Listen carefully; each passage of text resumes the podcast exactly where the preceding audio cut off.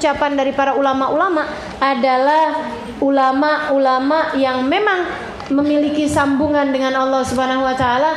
Salah satunya adalah Sayyidina Asy-Syaikh Abu Bakar Ibn Salim alaihi rahmatullah. Salah satu tali yang bisa menyampaikan kalian kepada Allah Subhanahu wa taala itu adalah lewat talinya mereka-mereka ini. Para ulama-ulama kita. Salah satunya Sayyidina Syekh Abu Bakar Ibn Salim. Teman-teman sekalian, yang saya sampaikan tadi mengenai tali. Kata Allah, "Wa'tasimu bihablillahi jami'an." Berpegang teguhlah kalian dengan tali Allah. Semuanya berpegang teguhlah kalian dengan tali Allah. Nah, Allah ini teman-teman sekalian menurunkan tali, maksudnya menurunkan hubungan itu kepada siapa? Kepada para nabi. Allah ketika menginginkan hambanya terhubung dengan Allah taala, Allah kasih tali.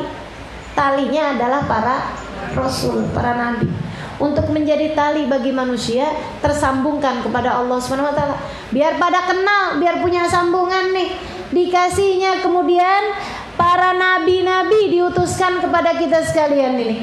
Saudariku sekalian saya muliakan Nih yang terakhir baginda kita Nabi besar Muhammad alaihissalam Tali Allah subhanahu wa ta'ala yang terbesar Pintu Allah subhanahu wa ta'ala yang terbesar akan tetapi saudaraku sekalian yang saya muliakan, kita juga agak susah menyambung kepada Nabi Muhammad SAW. Kita nggak hidup pada zamannya. Kita nggak lihat beliau. Dan pula siapa kita? Sampai bisa mudah-mudahan dekat menabi kan harus ada yang nyamperin, harus ada yang bawa. Teman-teman sekalian, wattakhidu indallahil wasilah kata Allah dalam Al-Qur'an carilah kepada Allah perantaranya. Itu perintah Allah dalam Al-Qur'an loh itu. Wattakhidu indallahil wasilah. Buatlah jalan, buatlah penghubung, buatlah sambungan. Carilah link yang menyampaikanmu kepada Allah Subhanahu wa taala. Tentu saja link tersebut adalah baginda Rasulullah SAW. Cuman kepada Rasulullah ini juga terlalu tinggi kita nih rupanya. Nih bangsa awam-awam kayak kita ini teman-teman sekalian. Mau ngimpi Nabi Ya Allah setengah mati. Betul apa enggak? Pengen bisa deket sama Nabi Ya Allah susahnya setengah mati. Belum lagi ajakan di sekeliling Belum lagi Waduh Susah setengah mati mau nyambung sama Nabi Muhammad Alaihissalam Gimana nih caranya Biar tersambung sama Nabi Muhammad Alaihissalam harus ada orang yang bawa kita. Yang bawa kita siapa? Para ulama, teman-teman sekalian, para wali, teman-teman sekalian. Mereka tali kita menuju Rasulullah dan tali kita menuju Allah Subhanahu wa taala. Tali kita. Kita mau masuk ke presiden aja harus ada prosedurnya. Jangan gitu, mau masuk ke gubernur aja harus ada orang yang kenal bawa kita. Kalau nggak siapa kita, kan gitu ya? Demikian pula tentu saja kepada Rasulullah SAW perlu orang nih yang bawa kita kepada mereka. Kalau nggak takut salah jalan juga. Orang zaman sekarang banyak yang ngaku-ngaku deket menabi, tapi berani-berani fitnah Nabi juga banyak. Betul nggak? Yang bilang ibunya Nabi di neraka lah. Astagfirullah. Astagfirullah. Yang ziarah ke makam Nabi Muhammad, Nabi Muhammad udah mati, nggak perlu diziarahi lah. Ya Allah, ya Allah tapi mereka ngaku paling dekat menabi. Nah ini kan aneh-aneh teman-teman. Nah kita takut salah jalan. Karenanya kemudian harus ada ulama nih bawa kita kepada Rasulullah Sallallahu Alaihi Wasallam. Teman-teman saya sekalian saya melihatkan nah, ulama-ulama ini salah satu tali yang bisa nyambungin kita kepada Nabi Muhammad SAW salah satu ulama terkemuka namanya Sayyidina Asyikh Abu Bakar Ibn Salim Teman-teman sekalian, tiga hal yang saya mau ceritakan. Mudah-mudahan bikin kita semakin ngerti siapa beliau. Yang pertama, teman-teman sekalian saya muliakan cerita tentang ibadahnya Syekh Abu Bakar bin Salim. Karena radhiyallahu taala anhu arda yusallil subuh biwudu'il isya arba'ina sanatan. Sayyidina Syekh Abu Bakar bin Salim adalah orang yang sholat subuh pakai wudhu isya selama 40 tahun. Dengar gak? Yang teman-teman dengar gak? Dong apa enggak? Nyambung apa enggak? Sholat subuh pakai wudhu isya selama 40 tahun teman-teman sekalian. Maksudnya gimana tuh? Jadi beliau habis selesai sholat isya, beliau ibadah, beliau ngaji, beliau baca Quran, beliau mendatangi masjid-masjid, masjid-masjid buat ngisiin air-airnya di masjid-masjid tersebut. Beliau rapiin teman-teman sekalian ibadahnya, sholawatnya ininya, tahajud, sholat malamnya dan lain sebagainya sampai datang subuh beliau sholat subuh dengan wudhu isya. Berapa lama? Bukan sekali dua kali, bukan tiap Jumat, selama 40 tahun masa hidup beliau. Sholat subuh pakai wudhu, pernah nggak teman-teman? Sekali aja pernah nggak? Saya pernah. Gara-garanya ketiduran. Belum sholat isya udah tidur, gitu ya. Bangun-bangun kaget banget, ya ampun, udah hampir jam 4 Buru-burulah saya wudhu Buru-burulah saya sholat isya. Habis kelar sholat isya Sholat witir. Gitu kan ya?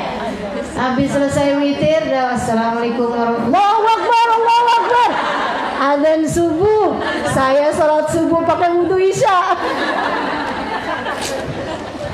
Langsung saya merasa jadi muridnya Syekh Bakar bin Salim.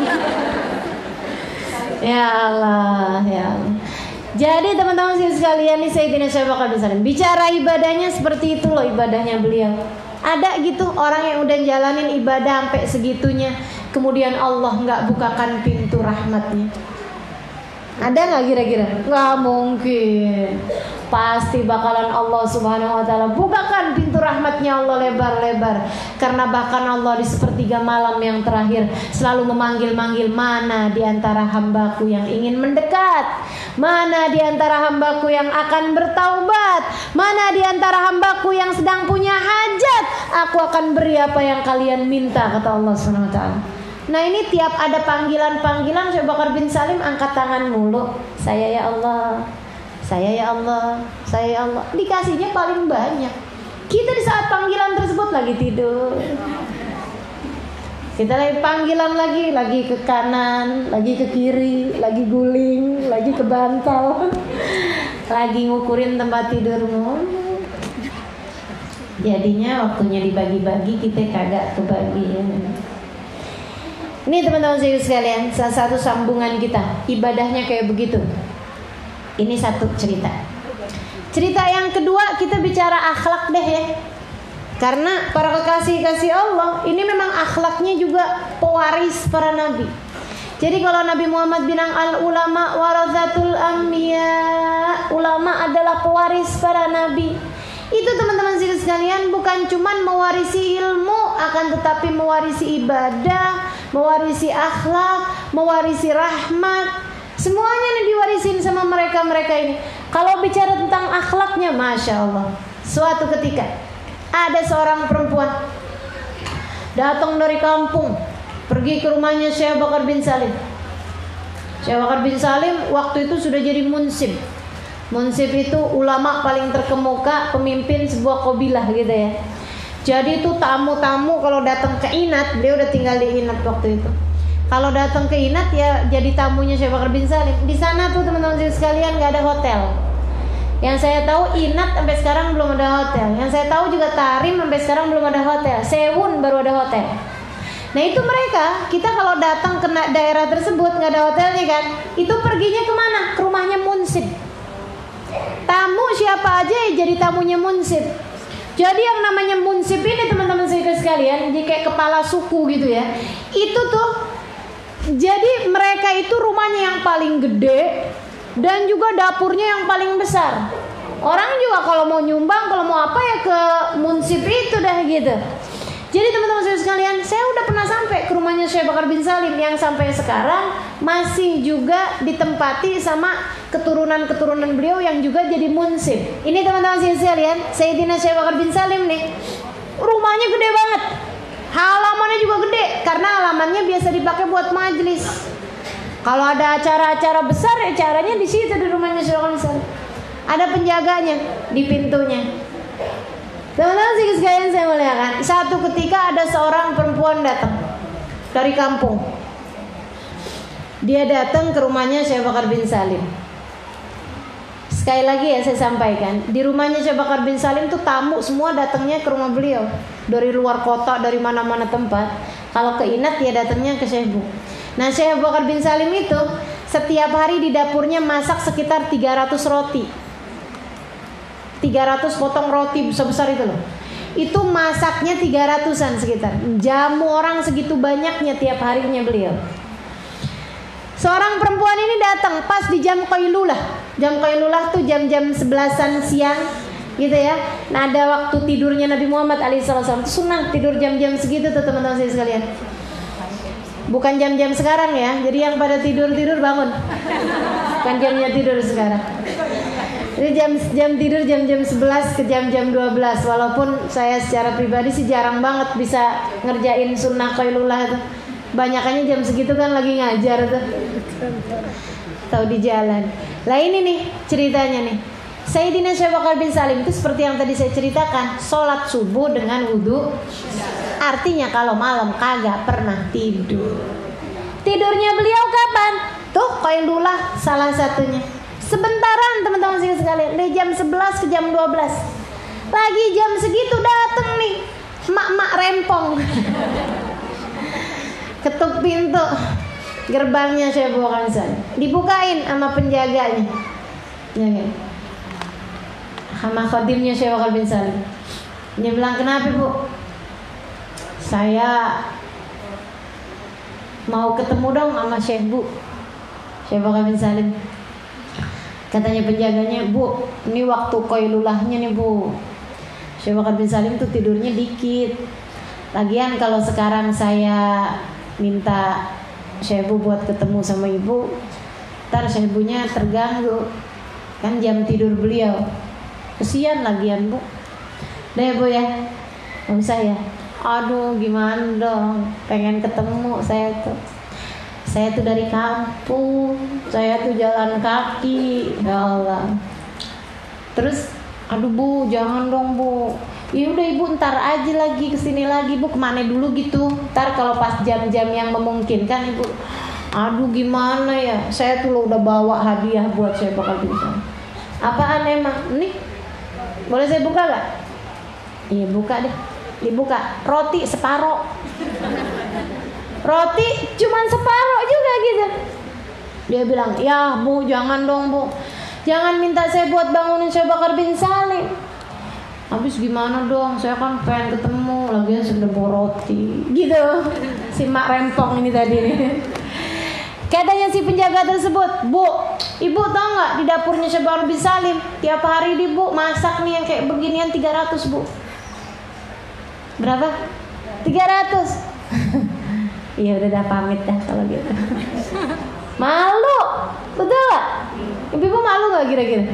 Datang ke rumah orang gitu ya, bawa buah mangga. Eh ternyata yang kita datengin orang punya kebun mangga berapa hektar. Kan malu gitu. Iya Ya ampun nih salah nih gitu. Jadi gitu, ibu-ibu datang ke rumah saya misalnya gitu ya, bawa madu gitu.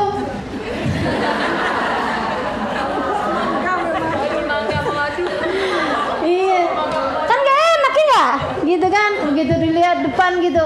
Itu apaan tuh ada drum-druman gitu. Madu. Dari mana Ustaz? Dari Thailand. Ya kampung salah nih. Uh, saya sebenarnya bawa hadiah nih buat Ustaz. Apaan? Madu Ustaz. Ya kan gak enak ya? Nah ini teman-teman sekalian ya kalau sama saya emang nggak apa-apa. Kasih kasih aja bu ini ceritanya nih si penjaganya nih nggak enak karena dia nih disuruh bangunin Syekh Bakar bin Salim. Nah ibu ini mau ketemu sama Syekh Bakar bin Salim bawa roti, cuman separoh. Jadi diceritain. Begitu kemudian diceritain kasih tahu bahwa di dapurnya Syekh Bakar bin Salim masak 300 roti, kan jadi ya gitulah itu ya, palah bahasanya. Jadi akhirnya dia kayak merasa minder gitu, dibilang ya udah kalau gitu saya pamitan ya kirim salam aja Mas Bakar bin Salim saya namanya Halimah kali gitu ibu-ibu sekalian belum mandi jalan keluar Syekh Bakar bin Salim dari rumahnya ini padahal percakapan di gerbang Jangankan dari dalam kamarnya Syekh Bakar bin Salim, dari depan rumah beliau aja nggak kedengeran. Gede banget rumahnya. Ini kayak saya di sini nih. Kalau misalnya saya ngomong nggak pakai mic, yang di gerbang sana rumah Bu Ida, kedengeran apa nggak? Nggak kedengeran teman-teman saudara sekalian. Nah ini bayangkan rumahnya nih halamannya lebih gede loh daripada itu, daripada saya ke situ. Saya udah pernah sampai teman-teman saudara sekalian. Sering saya sampai ke sana. Jadi saya tahu persis gitu, nggak mungkin kedengeran. Tiba-tiba aja Syekh Bakar bin Salim keluar dari rumah, keluar dari gerbangnya. Katanya Syekh Bakar bin Salim, ahlan wa sahlan wa rahmat, ahlan, ahlan. Dia bilang, Masya Allah, ada tamu nih, saya punya tamu nih. Si perempuan itu matanya binar-binar. Girang benar ketemu sama Syekh Bakar bin Salim. Masya Allah, jadi ibu datang ke sini nih, jadi tamu saya nih siang ini nih. Ya Allah maafin saya Syekh Saya tahu Syekh Bakar bin Salim lagi kailulah katanya maafin saya Saya ribut-ribut kali ya jadi kebangunin Enggak apa-apa bu girang Saya ibu mau datang ke sini Masya Allah Ibu dari mana bu? Dari Jonggol Ibu naik apa? Jalan kaki Masya Allah bu Tiap langkahan ibu semuanya bernilai pahala di sisi Allah Ibu datang ke sini juga karena cinta, karena sayang, karena hormat semua langkahan-langkahan ibu bernilai pahala di mata Allah. Gak ada yang sia-sia. Mudah-mudahan Allah cintai ibu, Allah sayang ibu, Allah hormati ibu sebagaimana ibu memperlakukan itu kepada saya. Terus ibu bawa hadiah buat saya. Nggak jadi sih. Ada ibu bawa kan hadiahnya.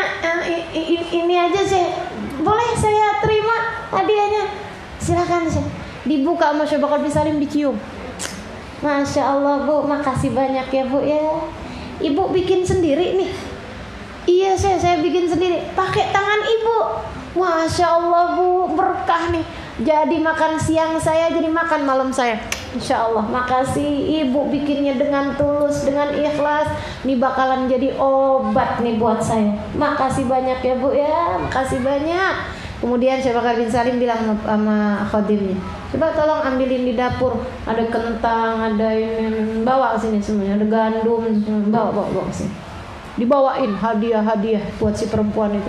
Dirang didoa-doain Masya Bakar bin Salim. Masya Allah senengnya kayaknya dapat apaan nggak lebih seneng daripada ketika mendapatkan doa-doa indah perlakuan masya Allah dari seorang kekasih Allah swt. Habis itu ibunya berangkat pulang. Udah dia pulang, ditungguin masya Allah sampai udah nggak kelihatan lagi baru masuk beliau. Adab teman-teman saya sekalian, akhlak teman-teman saya sekalian. Sampai akhirnya kemudian coba bin Salim bilang sama Khadim, Ente ngapain pakai segala cerita di dapurannya masak 300 roti? Dia bilang maaf Syekh Maaf Soalnya dia itu tadi ada bilang-bilang urusan saya suruh bangunin Syekh bawa setengah roti gitu kan gak enak saya. Dia bilang kamu ingat ya, man lam yashkur bil qalil lam yu'tihillahul kathir. Siapa yang nggak bisa menghargai yang sedikit, Allah nggak akan kasih kepadanya yang besar. Siapa yang yang nggak menghargai yang kecil, Allah nggak akan kasih kepadanya yang besar.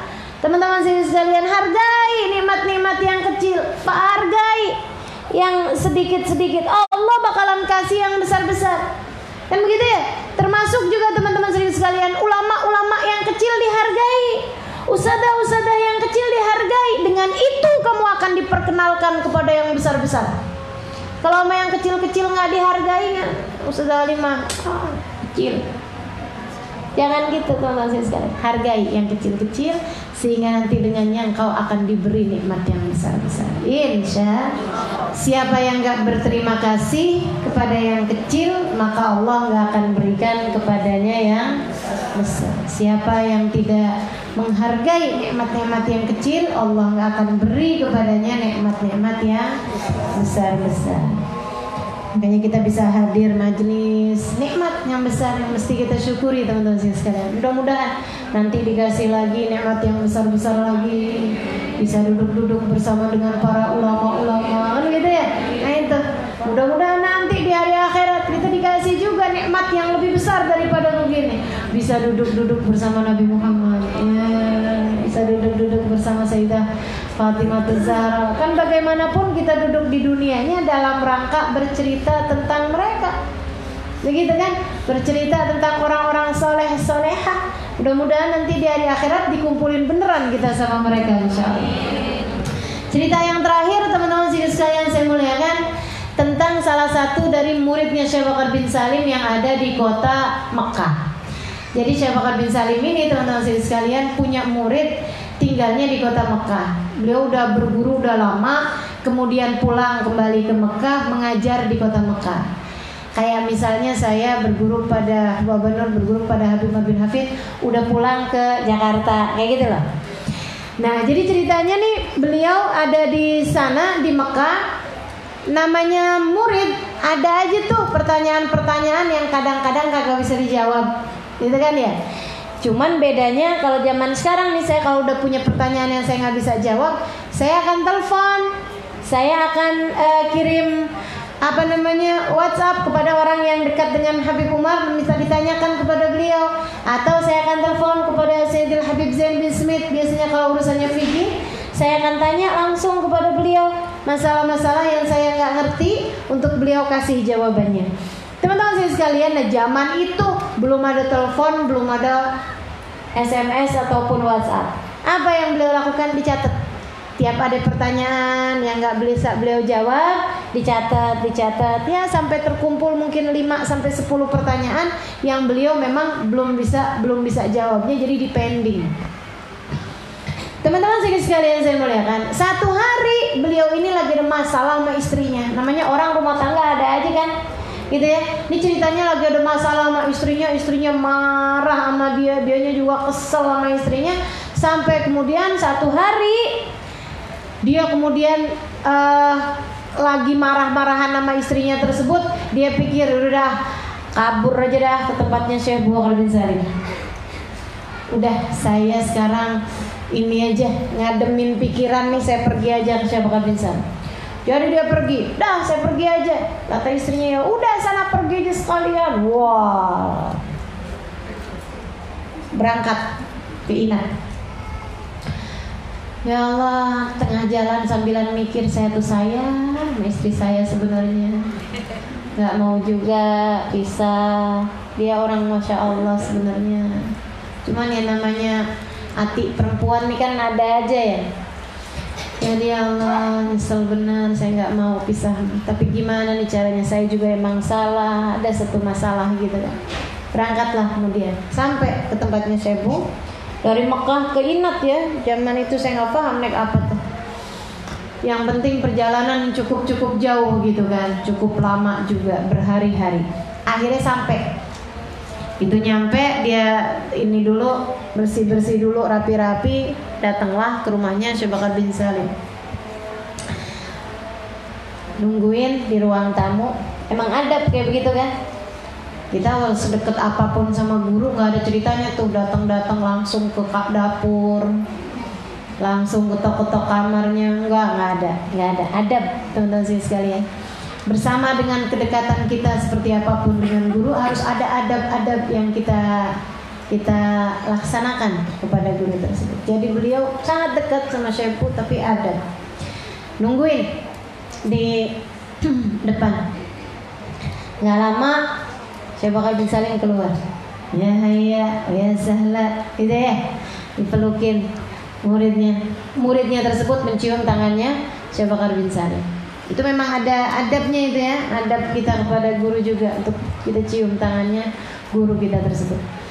Habis itu kemudian tanya yang gimana kabarnya Khair dari dari Mekah e, kapan nih perjalanan gimana mau udah enak gitu terus Syekh bin Salim duduk dia bilang, anu Syekh, saya datang ke sini mau tanya. Oh iya, pertanyaan ya, kata Syekh bin Salim. Ini pertanyaan kertas nih di dalam nih.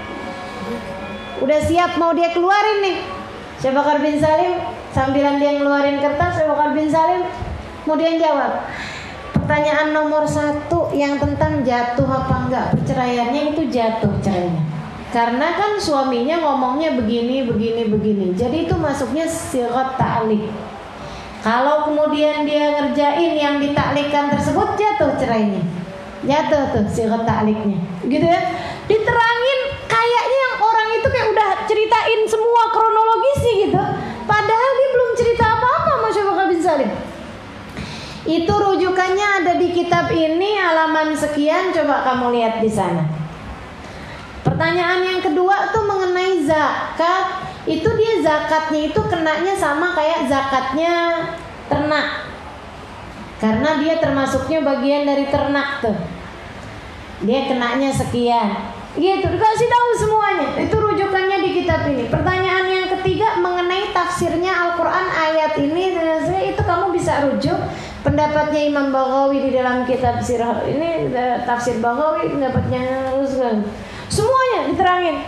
Terhadap maknanya ayat ini itu sebenarnya maknanya ini disampaikan oleh imam ini dalam kitabnya begini-begini. Semua pertanyaan itu nggak usah pakai ditanya pertanyaannya udah langsung dijawab Masya Bakar bin Salim lengkap pertanyaan dan jawabannya sekaligus rujukannya di kitab apa untuk dia ambil jadi si murid tinggal setengah mati aja nyatetin.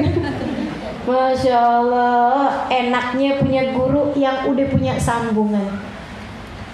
Yang sinyalnya kenceng banget kayak gitu tuh modelnya teman-teman saya sekalian. Ya Allah, ya Allah. Itu saya sampai sekarang aja masih sering ngerasain tuh sama guru-guru saya kayak begitu. Kalau udah ada sesuatu hal yang rasanya pengen saya tanyain gitu ya. Kadang-kadang udah nggak usah pakai nanya gitu. Nggak usah pakai ngomong. Beliau begitu tersambung gitu kan lewat telepon ataupun saya bahkan dengerin ceramahnya gitu. Langsung kayak lagi ngasih jawaban ya Allah nikmatnya nikmatnya. Nikmat punya guru teman-teman saudara sekalian saya muliakan kenapa mereka itu bisa serba tahu begitu? Kayak udah langsung tahu gitu. Kenapa bisa begitu? Karena mereka dekat sama Sang Maha Tahu yaitu Allah Subhanahu wa taala. Dan mereka adalah orang-orang lanjutan dari apa yang Allah sampaikan tentang Nabi Muhammad wa ma arsalnaka illa rahmatan engkau wahai Nabi Muhammad kecuali sebagai bentuk kasih sayang kami di atas muka bumi nah ini penerusnya Nabi Muhammad nih para ulama-ulama merupakan penebar rahmat dan kasih sayang Allah juga di atas muka bumi ini. Makanya yang sedang galau, yang sedang gundah, gitu kan ya? Kalau udah ketemunya sama guru-guru yang model begini, insya Allah disambungkan kita sehingga nggak ada kesulitan, nggak ada apa-apaan. Ya Allah, nikmat benar. Sekalian, abis itu beliau kemudian khadimnya bawa kopi, bawa suguhan. Kopinya tuh di situ ada tiga gelas. Syekh Bakar bin Salim nuang sendiri. Nah, ini adabnya Nabi nih ya. Beliau nggak nyuruh muridnya nuang ataupun nyuruh khodimnya nuang enggak. Beliau tuang sendiri. Si kopi. Satu ditaruh tempat duduk beliau, satu ditaruh di tempat muridnya ini. Kemudian satu lagi beliau jalan menuju ke jendela. Teman-teman sekalian nih ngobrolnya nih nerima tamunya di lantai atas. Mereka punya ruangan tamu tuh memang biasanya di lantai atas. Bawah tuh biasanya buat majelis. Gitu kan. Jadi di lantai atas tuh. Nah di lantai atas tuh ada jendela. Jendelanya kecil teman-teman sekalian. Biasanya dipakai orang buat ngelongok kalau ada tamu datang. Siapa sih itu tamunya gitu kan? Nah itu jendela-jendela kecil. Namanya toko. Itu Sayyidina Syabar bin bukan toko bukan. Sayyidina Syabar bin Salim sambilan bawa gelas itu tadi Sambilan beliau menuju ke arah jendela itu sambil bicara beliau.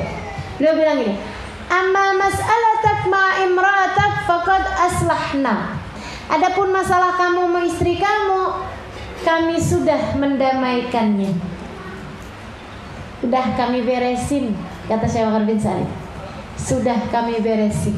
Teman-teman sekalian, beliau sambilan bawa tuh gelas, dia ulurin gitu ke luar gitu. Habis itu beliau masuk lagi tangannya udah nggak pegang gelas tersebut. Udah habis itu beliau baca-baca doa ini apa si muridnya tersebut kemudian pamitan. Teman-teman sedikit sekalian saya muliakan beliau sudah dua hari tiga hari di kota Hadramaut karena mau ziarah mau ini mau itu beliau pun kemudian pulang kembali ke Mekah dapat berapa hari sesudahnya sampailah dia di kota Mekah. Teman-teman sekalian, ini mau nyampe ke rumah nih deg-degan. Bukain pintu apa enggak? secara waktu berangkat kan lagi beranteman. Lagi marah-marahan. Ini kalaupun dia bukain pintu begitu kan ya? Apa yang akan diomongin apa yang gimana cara dia bujukin istrinya? Saya udah pikir-pikir saya minta maaf sama kamu saya yang salah. Udah dipikirin nih sama dia nih. Sepanjang jalan udah dipikirin. Serem-serem juga kalau nyampe depan rumah ada tulisan rumah ini dijual. Teman-teman sih sekalian. Akhirnya dia ketuk pintu. Assalamualaikum warahmatullahi wabarakatuh. Ketuk pintu. Masih baru ketukan pertama dia dengar suara langkah-langkahan kaki. Tambah deg-degan ya Allah istri saya. Gimana nih? Eh kemudian dibuka sama istrinya teman-teman saya sekalian. Dengan senyum lebar dengan wajah yang berseri-seri dengan dandanan rapi. Heran bener dia. Waalaikumsalam bang. Sambil bukain pintu. Dia heran aja ngeliat istrinya gitu. Istrinya nunduk-nunduk gitu kan senyum-senyum malu campur kangen campur. Ayo masuk suaminya masuk kemudian saya udah masak kata istrinya. Saya udah masak saya udah bikinin makanan-makanan kesukaan kamu. Yuk lapar kan pasti makan dulu apa mau ke mana dulu? Katanya mau saya mau kamar mandi gitu ya.